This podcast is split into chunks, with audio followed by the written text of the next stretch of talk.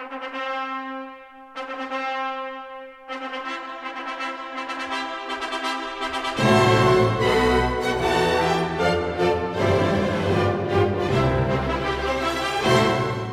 Bernando og Karla Halmolka stóðu anspenniskort öðru á brúðkaupsdægin þann 29. júni árið 1991. Þeim hafi dreymt um hennan dag lengi því að þeim var ætlað að vera saman. Augnabliki þegar Paul sá Körlu í fyrsta skipti er augnablik sem að hann átti aldrei eftir að gleima. Hún var bara 17 ára en það skipti ekki máli síða aflitaða hárið, breyða brosið og kynþokkafullur kvenlegur vöxtur hennar. Hann var sjúkur í hennar. Pól Kolfjall fyrir henni, daginn sem hann sá hana fyrst og það var ekki aftur snúið. Engin kona komst með tærnar þar sem að Karla hafði hælana. Engin hafði nokkuð tíma náða uppfylla hans þarfir eins og hún prófa allt það sem hún langaði að prófa og staði að þjættu baki á honum í öllu sem honum datt í hug. Þau voru sálufélagar. Á brúðköpstægin var Karla klætt hvítum kjól sem að myndi einna helst á kjólana úr Disney-æventýrum. Háir og miklir axlabúðar kjólsins náðinni næstum upp að eirum. Brúðaslörið og pils kjólsins var svo sítt að þrjár manneskjur þurfti að hjálpa henni upp á hestvagnin sem að óg þeim til og frá kirkjunni.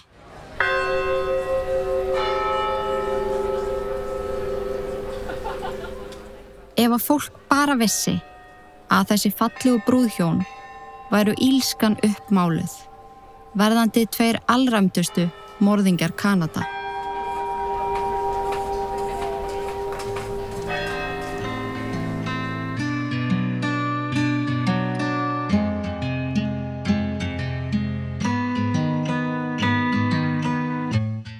Komið sæl og verið hjartanlega velkomin. Inga heit ég, Kristjánsdóttir og þið eru að hlusta á hlaðvarstáttinn Íllverk. Ég vonaði síðan að hafa það gott, en ef að þið eruð í sótkví eða eru jáfnveg lasin eða með COVID, þá vona ég að ég ná að hressa ykkur aðeins við með þætti dagsins, þótt að innihaldi sé nú frekar ógeðfelt. En ég lofa að það er áhugavert og fyrir marga nokkuð kunnulegt. Þátturinn er í bóði Sixt langtímalegu og ég mun að sjálfsögðu segja ykkur skemmtilegan fróðuleik um þeirra frábæru þjónustu þegar að líður á þáttinn.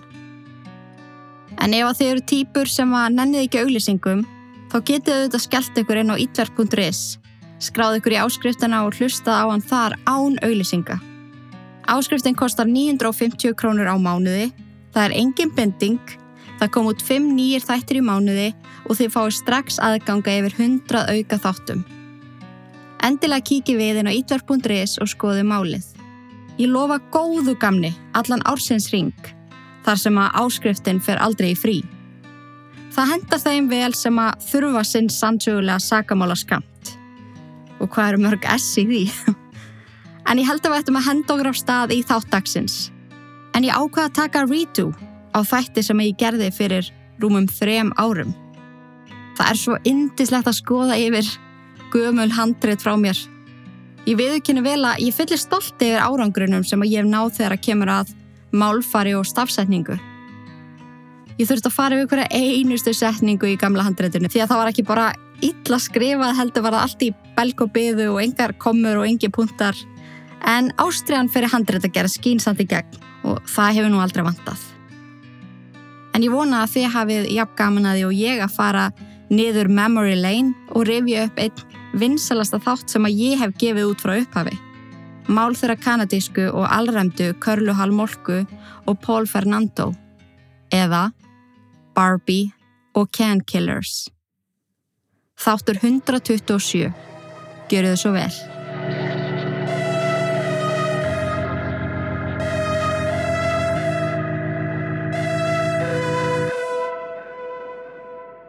Paul Kenneth Bernando þótti ansi flottur og frambærilegur ungu maður. Fættur þann 27. ágúst árið 1964 í Scarborough í Ontario. Hann var vinsæll og átti stóran vinahóp, en hann var líka ansi vinsæll hjá stelpum, en það myndalegur og sérmerandi. 23 ára gammal var hann í fullu námi í háskólanum í Toronto ásandi að vera í fullu starfi sem Amway sölumadur. En Amway er stytting á American Way sem er píramíta fjárfestinga fyrirtæki. Pól var á virkilega góðum stað með að við allan þann hrylling sem hann þurfti að ganga í gegnum sem barn og virtist hann vera vinnastátt og stöðut í sínum andlu og erfileikum. En barnæska hans einkendist af sveikum, legum, misnótkun og ofbeldi. Hann uppliði aldrei sanna ást og hann fann aldrei fyrir öryggi á heimilinu sínu. Pappans misnótaði yngri sýstur hans fyrir framannan. Þótt að Pól segði mömmu sinni frá, þó gerði hún ekkert í því. Í staðin fyrir að venda börnin sín, flutt hún sig algjörlega niður í kjallara húsins og var þar öllum stundum. Pappið þeirra var því með þau allan daginn og gerði það sem honum síntist við þau. Hann drakk og reykti, barði Pól og misnótaði sýstur hans. Eitt daginn þegar Pól kemur auga á mömmu sína ganga upp kjallarastegan, reyðist hann heftalega og öskrar. Af hverju erst aldrei hjá okkur? Af hverju vendar okkur ekki? Og af hverju trúur þú aldrei því sem að ég segi við þig? Fyrst um sinn hunsar hún spurningar svona síns, sem að gerir Pól enþá reyðari. Til þess að ná fram viðbröðum öskrar hann á hana meinir þið. Þá fyrst fekk hann viðbröð frá mömmu sinni, sem að gekk rösklega að honum, greip í hálsmálið á peysunans og sagði ákveðið. Þú ert ófjöti. Ég skal sko segja það að þessi kall anskoti sem ást alltaf að vælundan er ekki eins og niður pappiðin. Þetta er bara eitthvað kall. I fucked a drunk at the pub. It was a one night stand. You shouldn't exist. Svo ég vitni orðrætt í hana. Pól neyg niður í golfið og há greitt. Skiljanlega vissi hann ekki hverja hann átt að svara. Hvað hann átt að gera við þessar upplýsingar. Mamman sló á honum, hristi hausin og fór aftur niður í kallara. Ætlun hafi gert sig grein fyrir því hversu mikil áhrif þetta átt eftir að hafa á hann. Að mögulega hafa hún skattað svon sinna eilifu með því að segja þetta við hann. Eftir þetta atveik þá breyttist hegðum Pól verulega. Hann var allt önnur persóna. Hann hataði mömmu sína með öllu hjarta og ekki bara hana, heldur alla. Þessi hegðunabreiting var rétt svo byrjunin á ótrúlega óhugnalegum hugsunum og hegðun Pól. Hann óks úr grasi sem þessi ljósarði, solbrúni, bláiði draumaprins sem allir heitluðust af. En innra með honum óks eitthvað ílt. Hugsanir sem að enginn vissi af nema hann sjálfur. Hann æstis kynferðislega við að hugsa um það að pinta konur og hann hikaði ekki við að vera virkilega harkalegur við hjásvægur sínar sem á voru all margar. Með hverju skiptinu jógst ofbeldið. Hann spurði ekki um leifi eða barða undir þær hvort hann mætti sína um hörku. Heldur koman þeim að óvörum með því að slá þar utanundir, þrengja öndunum vegin á þeim eða rífa fast í hárið. Sumastelpunar leta hann heyra það en alls ekki allar. Mörgum fannst hann svo sætur og svo heillandi og skemmtilegur og vildi ekki hljóma leiðilar með því að stoppa hann af. Minningin um að hafa sofið hjá honum átti svo eftir að setja í þeim í mörg ár. En mér langur að fá að taka eitt fram svona, fyrst við erum að ræða þetta og í svona ljósi aðstæðina, að þá er það að kirkja, slá, toga og klýpa ofbeldi, ef þú spyrði ekki um leifi og berði þetta ekki undir þann sem að þú ert að sofa hjá. Hvort sem þetta er manneskja sem þú hittir í gegnum Tinder, vinur með fríðendum eða jafnvel makiðin. Þetta telst til ofbeldis. Ekki koma neinum að óverum með svona lögu. Þóttu þetta hafi verið normalíserað eins og maður segir í gegnum hérna ímsu miðla, þá finnst ekki öllum þetta normal. Mörgum finnst þetta vond, óþægilegt og stundur hræðilegt. Þú vilt ekki búa til ör í sál einstaklings. Þú vilt ekki vera valdu þess að ykkur fær martraður. Getur ekki treysti að þarf að leita sér sálfræði aðstóðar. Ef að þú fíla svona í kynlifi, sem er mjög algengt og mjög aðlilegt, þá er ótrúlega einfalt að nefna þetta bara. Ertu til? Ef þú far já, go for it. Ef þú far nei, virtu það. Virkilega einfalt og getur bergað mannslífum. Pól bað ekki um samþyggi. Hann gerði bara nákvæmlega það sem honum síndist og komst yfirleitt upp með það. Ef að ykkur stelpa saði eitthvað við hann, snér hann öllu yfir á hana. Hann var svo góður í kæftinum og mikill narsisist að stelpan var yfirlegt farin að byggja hann afsökunar þegar hann hafði lokið sér af og látið hann að heyra það. En með tímanum þá hætti ofbeldi að vera nóg fyrir Pól. Hann þurfti eitthvað meira til þess að örfast kynferðislega. Hann vildi pinta, hann þráði að hafa fulla stjórn á hvernmanni. Hann leti dreyma um það að nöðga stelpu og á tímabili var það eina hugsunin sem að koma honum til. Eitt kvöldi þegar hann var að keira heim úr vinnu, ógan fram hjá virkilega myndalegri stelpu sem að gekk eftir gangstéttinni. Hún var ferðamæður í Ontario og þekkti því borgin ekki. Þegar Pól rakst á hana var hún vilt, sem var fullkomið fyrir Pól. Hann stöðvaði bílinn við hliðinar, skrúaði niður rúðuna og brosti til hennar.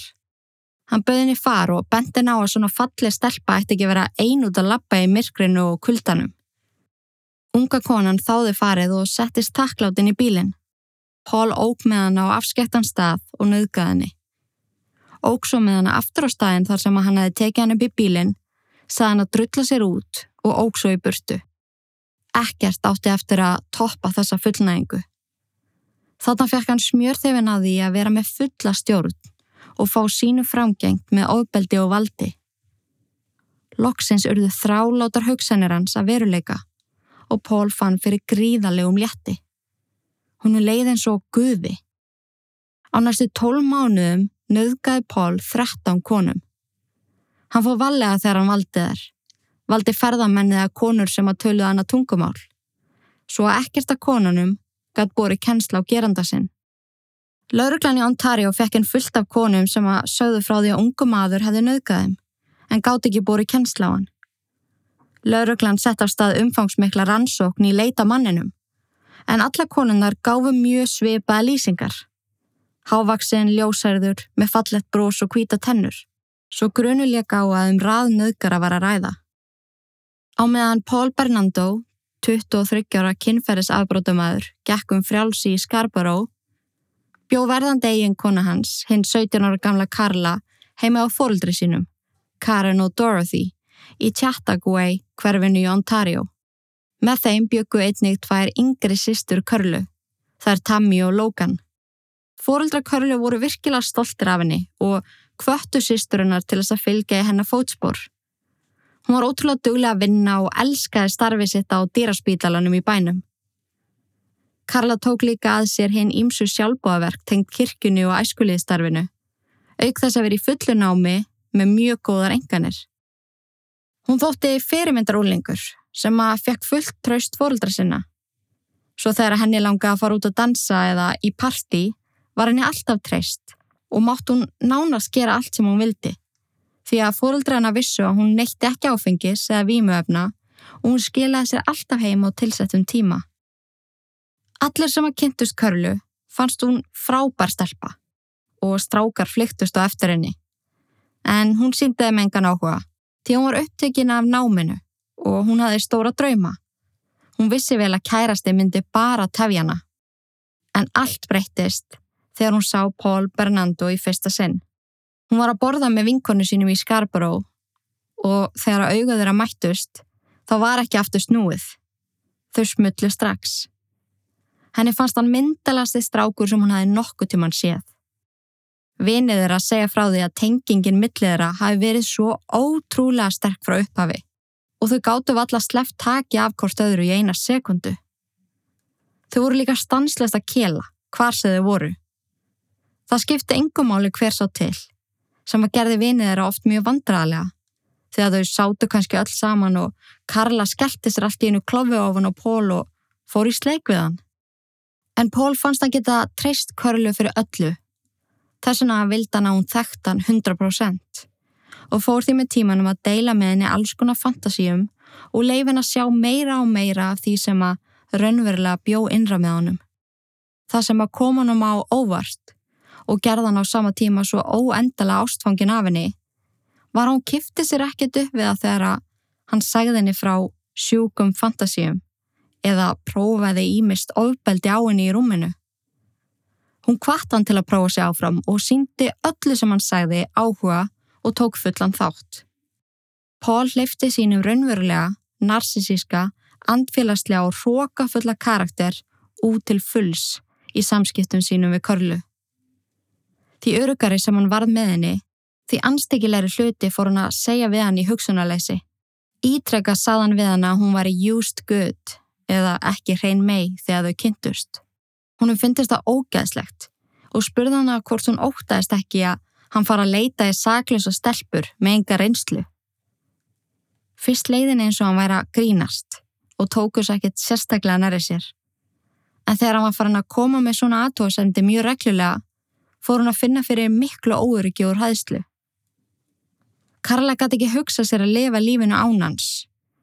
Hvað ef hann færi í alverðinu frá henni til þess að vera með stelpu sem að hafði sparað sér fyrir þann eina rétta? Hún vissi vel að hrein megi var eitt að kynþokkafylsta sem hann gæti hugsa sér. Karla fer því að leggja á ráðin. Hvað gæti hún heila gert til þess að halda honu spenntum? Hún bar svo undir hann virkilega sjúka hugmynd og auðvitað fannst Pól hugmyndin fullkominn. En hún bauð honum meitóm litlusistu sinnar í jólagjöf. Hann var svo gladur og svo spenntur og tjáði Karlu að þetta væri besta jólagjöf sem hann geti hugsað sér. Hann bætti svo við hversu heitt hann elskaði hana. Að hans mati var þetta sönn ást og það fannst Körlu líka. Hún vildi gera allt fyrir ástina í lífi sínu. Hvað sem er til þess að halda honu spenntum, hamingjusumum og kynferðislega fullnaðum. En það er talið að hugmynd Körlu hafi sprotti út frá hatri til litlusistu sinnar. Fjölskyldumæðlimir halvmólka fjölskyldunar hafa sagt frá því að Karla hafði alltaf mjög stuttan þráð fyrir litlusvistu sinni Tammy. Hún var falleg, klár og hún var yngri. Karla vissi að Pól fannst hún mjög hillandi sem að fór svo innilega í tögarnar á henni. Pól og Tammy spjöllið alltaf mikið saman. Hann var alltaf reyðu búin til þess að skuttla henni og vinkonum hennar. Lán henni peninga eða leia fyrir hennar bíómyndir. Karla sá alveg hvernig hann horfið á hana þessum gerindar augum. En það sem virkilega fylgti mælinn var þegar Pól sagðinni að ári áður hefðu hann og Tammy kelaði aftursætinu á bílnum hans. Hann var fullur, fór að sækja hana til vinkonu sinnar og hlutinir ægslegust svona. Tammy hafi svo stoppað hann af því að hún hafði aldrei gert þetta áður og var ekki tilbúin til þess að ganga lengra. Í staðin fyrir að losa sig við Pól, auðmingjan og nýðingin sem að hann var, tók hún tilfinningar sínar út á litlusystu sinni sem að sínir okkur svo vel hversu heldtekinn hún var að Pól.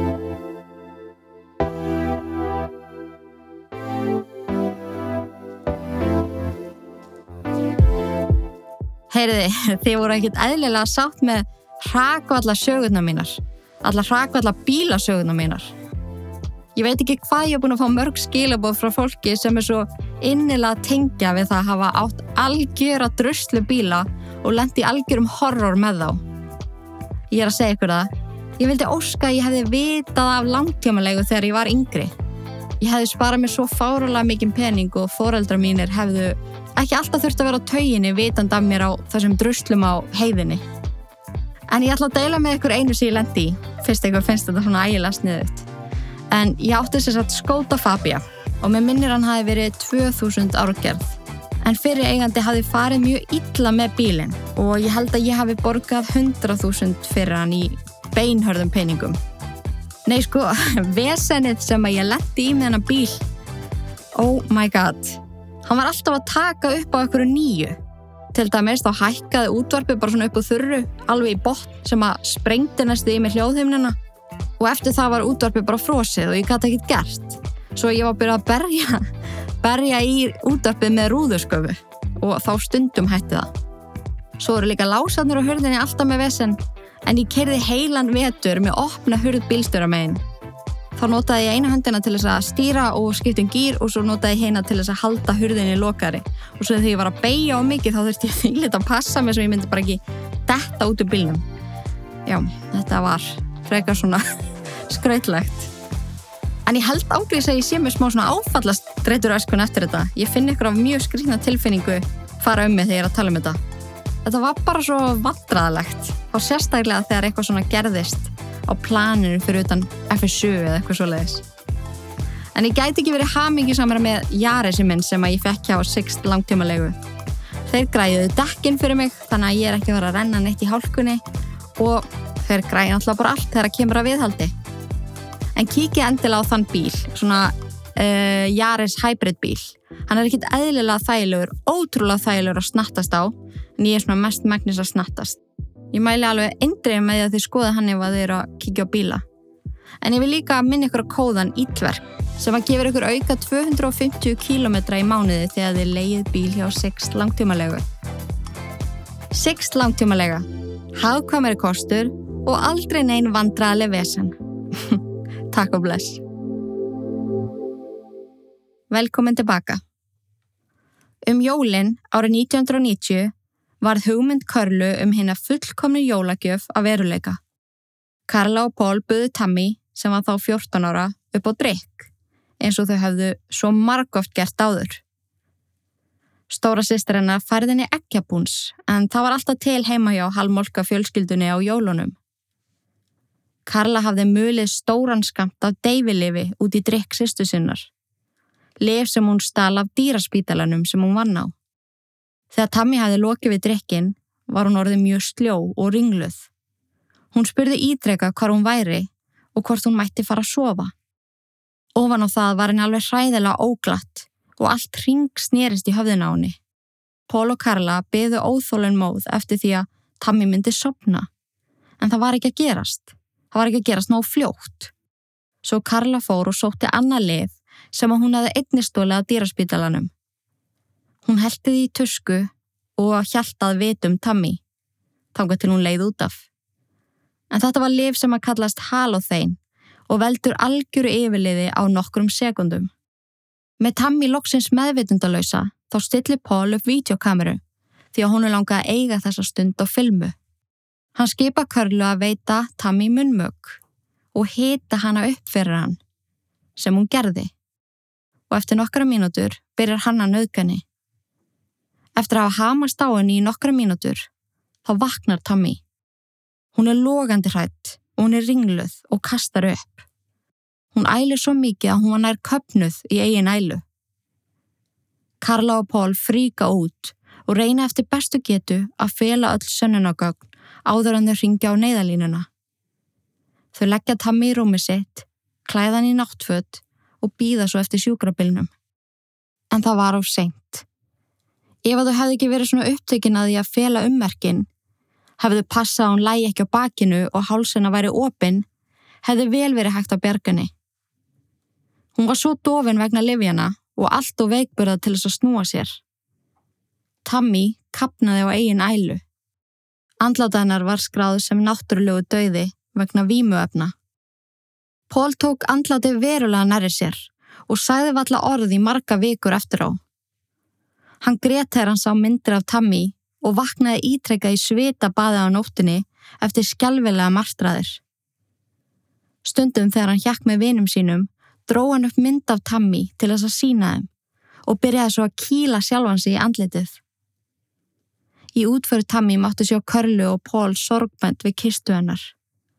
Þau setja ofan í kistuna bóðskort í brúðkaupið þeirra og hálsmennin sem að þau voru bæði með á sér kvöldi sem hún lést.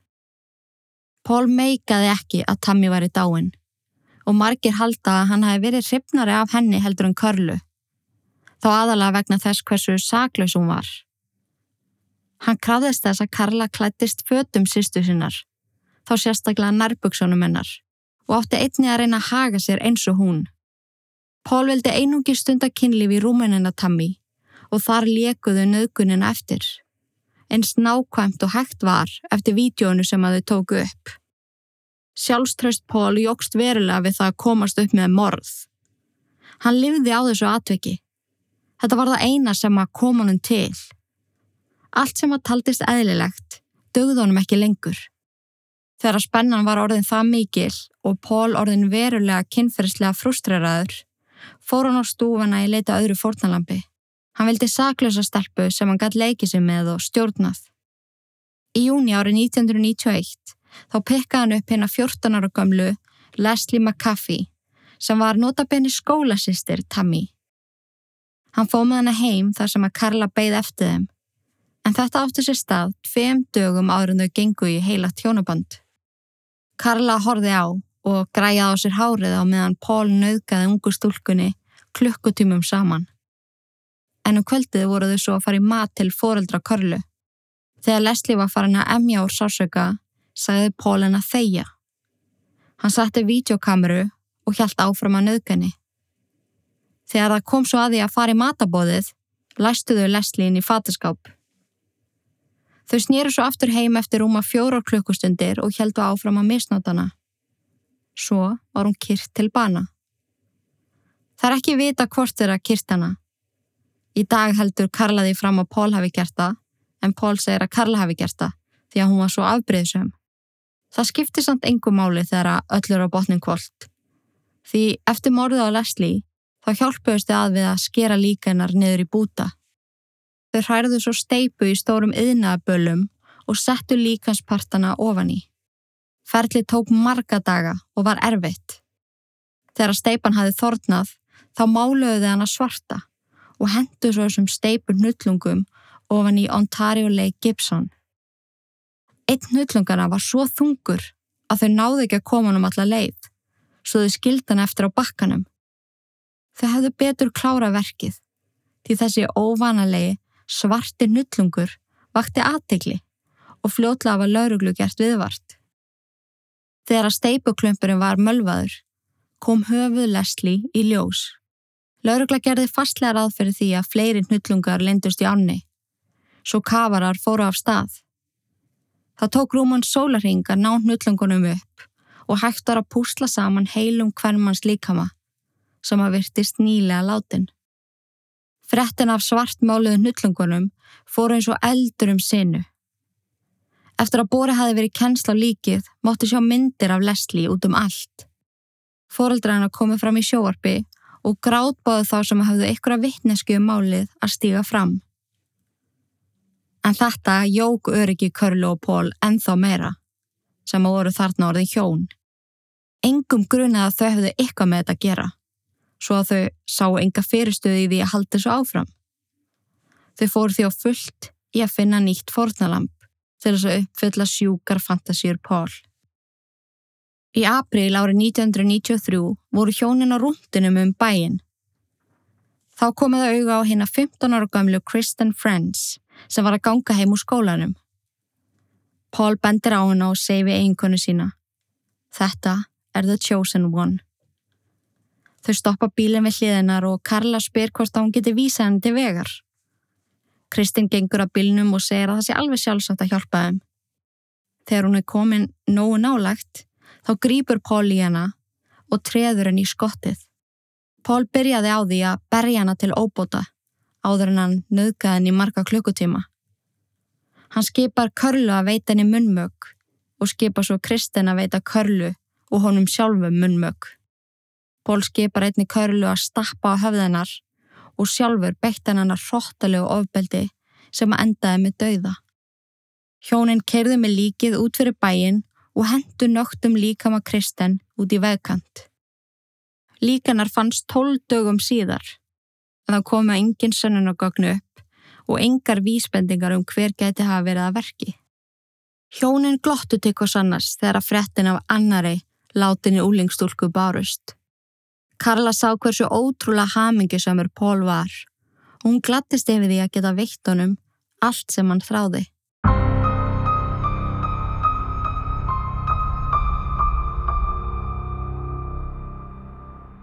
Þann 5. januar árið 1994 þá reyttist Pól heftalega. Við vitum ekki alveg hvaða var sem að reytta hann svona til reyði en hann tekur tilfinningar sínar út á körlu og beitir hann á mjög hróttalegu líkamlegu ofbeldi svo það stór sá á henni.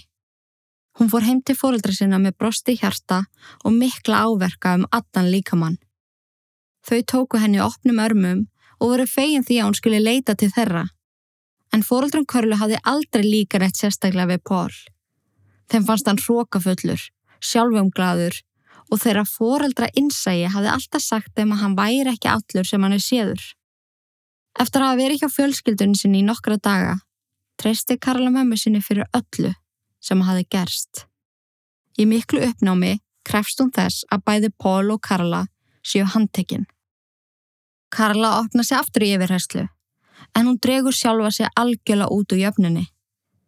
Hún segir frá eins og meðvirk og hrætt lítil stúlka og hún minni mig alveg ótrúlega mikið á Jóti Arias sem að lagði mikið upp úr því að tala í barslegri röttu og hljóma vittlaus í viðtali við lauruglu. Það er líka mjög augljós hversu mikið Karla breytist þegar að líður á rannsókn málsins. Hún sem var alltaf þessi kynþokkafulla ljóska fór að klæða sig í sparilegu og dömuleg fött. Litaði hárið í náttúrulegum lit og reyndi að virka saklausari en hún var, sem er nákvæmlega það sem að Jóti Arias gerði. Ekkit eðlilega þreytta týpur.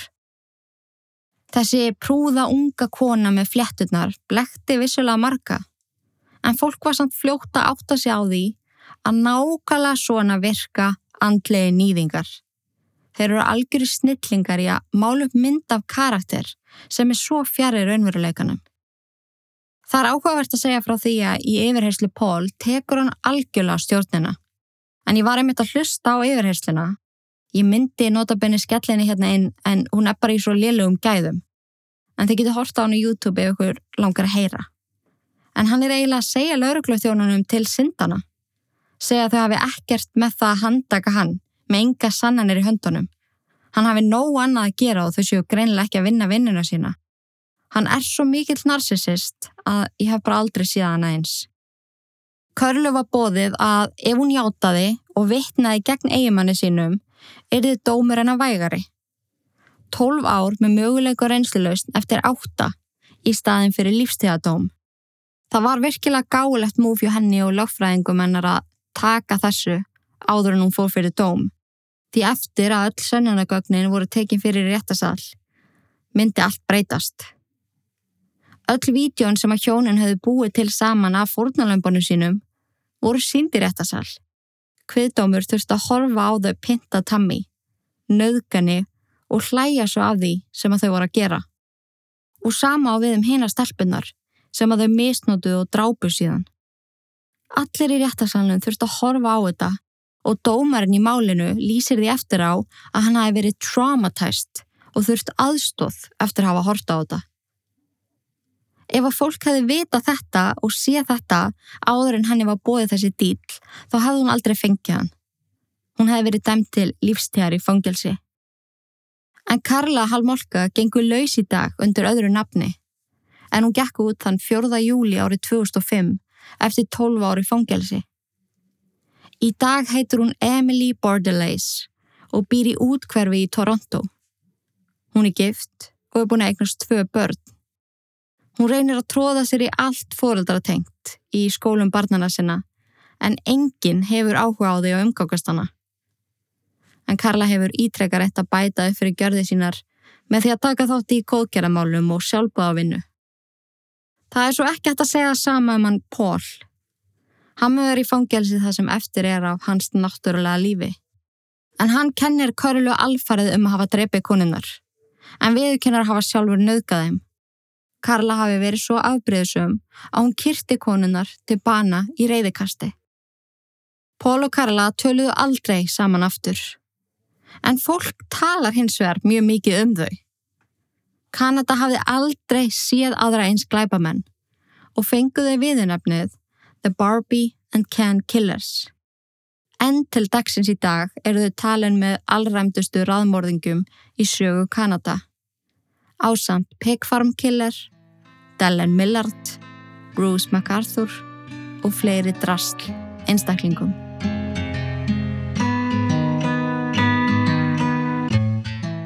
En þetta er allt sem að ég er með fyrir ykkur um Barbie og Ken Killers. Ég vona að ykkur hafi fundist jafn áhugaverst og mér að rifja þetta málu upp.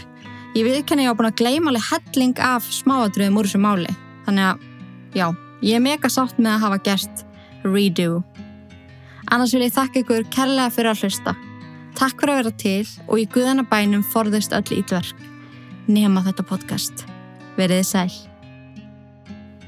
Haugur Take it away Bættu sjöfið og þú dóttir eftir lukku Sýnda sáli sem í djúpa hafi sökku Gangin líf eins og flugur inn í krukku meðan 666 andast sluppu Lækka sjöfið og þú dottin ert í lukku Kýta sáli sem í djúpa hafi sukku Gangin líf eins og flugur inn í krukku meðan 666 andast sluppu Þegar úti fyrir að dimm og frostin ístir inn að beini. Engin engil sem að veiti verði í eðulögðum heimi sem að lagðist í eði með heift og sakleysingjar týndu lífum. Verkin ítlu sem að fólki sá í sínu sínum Hversu margir hræðast drauga? Hversu margir hræðast að að horfi í augu dauðas augu taka mann á taugum eins og andar sem að herja mann. Hvaði voru á himnum fyndu engil til að verja mann. Hjartaslæri svo það sé með djöfulinn á hælunum Refur á móti hænunum, úlfur með sögða gæru Ílska reykar í bænum og lömbi þakma þórað ekki að vanda Allt og marga sálir sem að tilbyðja fjanda. Hamingja krasar eins og skip sem strandar anda Dráttur milli handa hættir að vanda Þegar að þreyttir að hálsi. Þegar ótti tekur yfir missa sakleysingjar málið eins og nortni galdra fári. Bættu sjöfið og þú dottir í lukku. Kýta sáli sem í djúpa hafi sukku. Gangin líf eins og flugur inn í krukku meðan 666 andast luppu Bættu sjöfið og þú dottir í lukku. Kýta sáli sem í djúpa hafi sukku. Gangin líf eins og flugur inn í krukku meðan 666 andast luppu Er það reyði sem að geri megin Skeppnuskapur eins og grimmir hundar sem að naga bein Eins og rifur inn í hænsna kofa hænur sofa svefninum langa þegar að andar koma. Þegar illir andar taka yfir liði fyrir yfirlið ef ljósið andar fara fyrir. Flesti kjósa fá að halda friði liðið í þar um og missi trúna sem það liði fyrir Flesti stand eftir og stara bara hendi sjúkum hug eins og hjá blóðþyrstum talíbana Þau þurfa að byggja fyrir sálum sínum. Eins og píkill sem er háður vímu þjáður er í sárun sínum. Byður um það eitt að hlusta sé á alla bænir sínar. Engið hefur grýtt að vegi alla fokkin æfi sína. Við skulum kveikja nokkru kertum á. Viltu fá að sjá 666 vandamál? Bættu sjöfið og þú dottir ert í lukku. Týnda sáli sem í djúpa hafi sukku. Gangin líf eins og flugur inn í krukku 760 og 6 allast hljöpu Hlættu sjöfið og þú dottir eftir lukku. Hýta sáli sem í djúpa hafi sökku Hangi lífi eins og flugur inn í klukku Meðan 660 og 6 allast hljöpu Býðum í andartak, andarfrátur, andarfar Í andarklassi skilji andar eftir andafar Býðum í andartak, andarfrátur, andarfar Í andarklassi skilji andar eftir andafar Býðum í andartak, andarfrátur, andarfar Í andarklassi skilji andar eftir andafar aftur átampar í andaglasi skilji andar eftir andar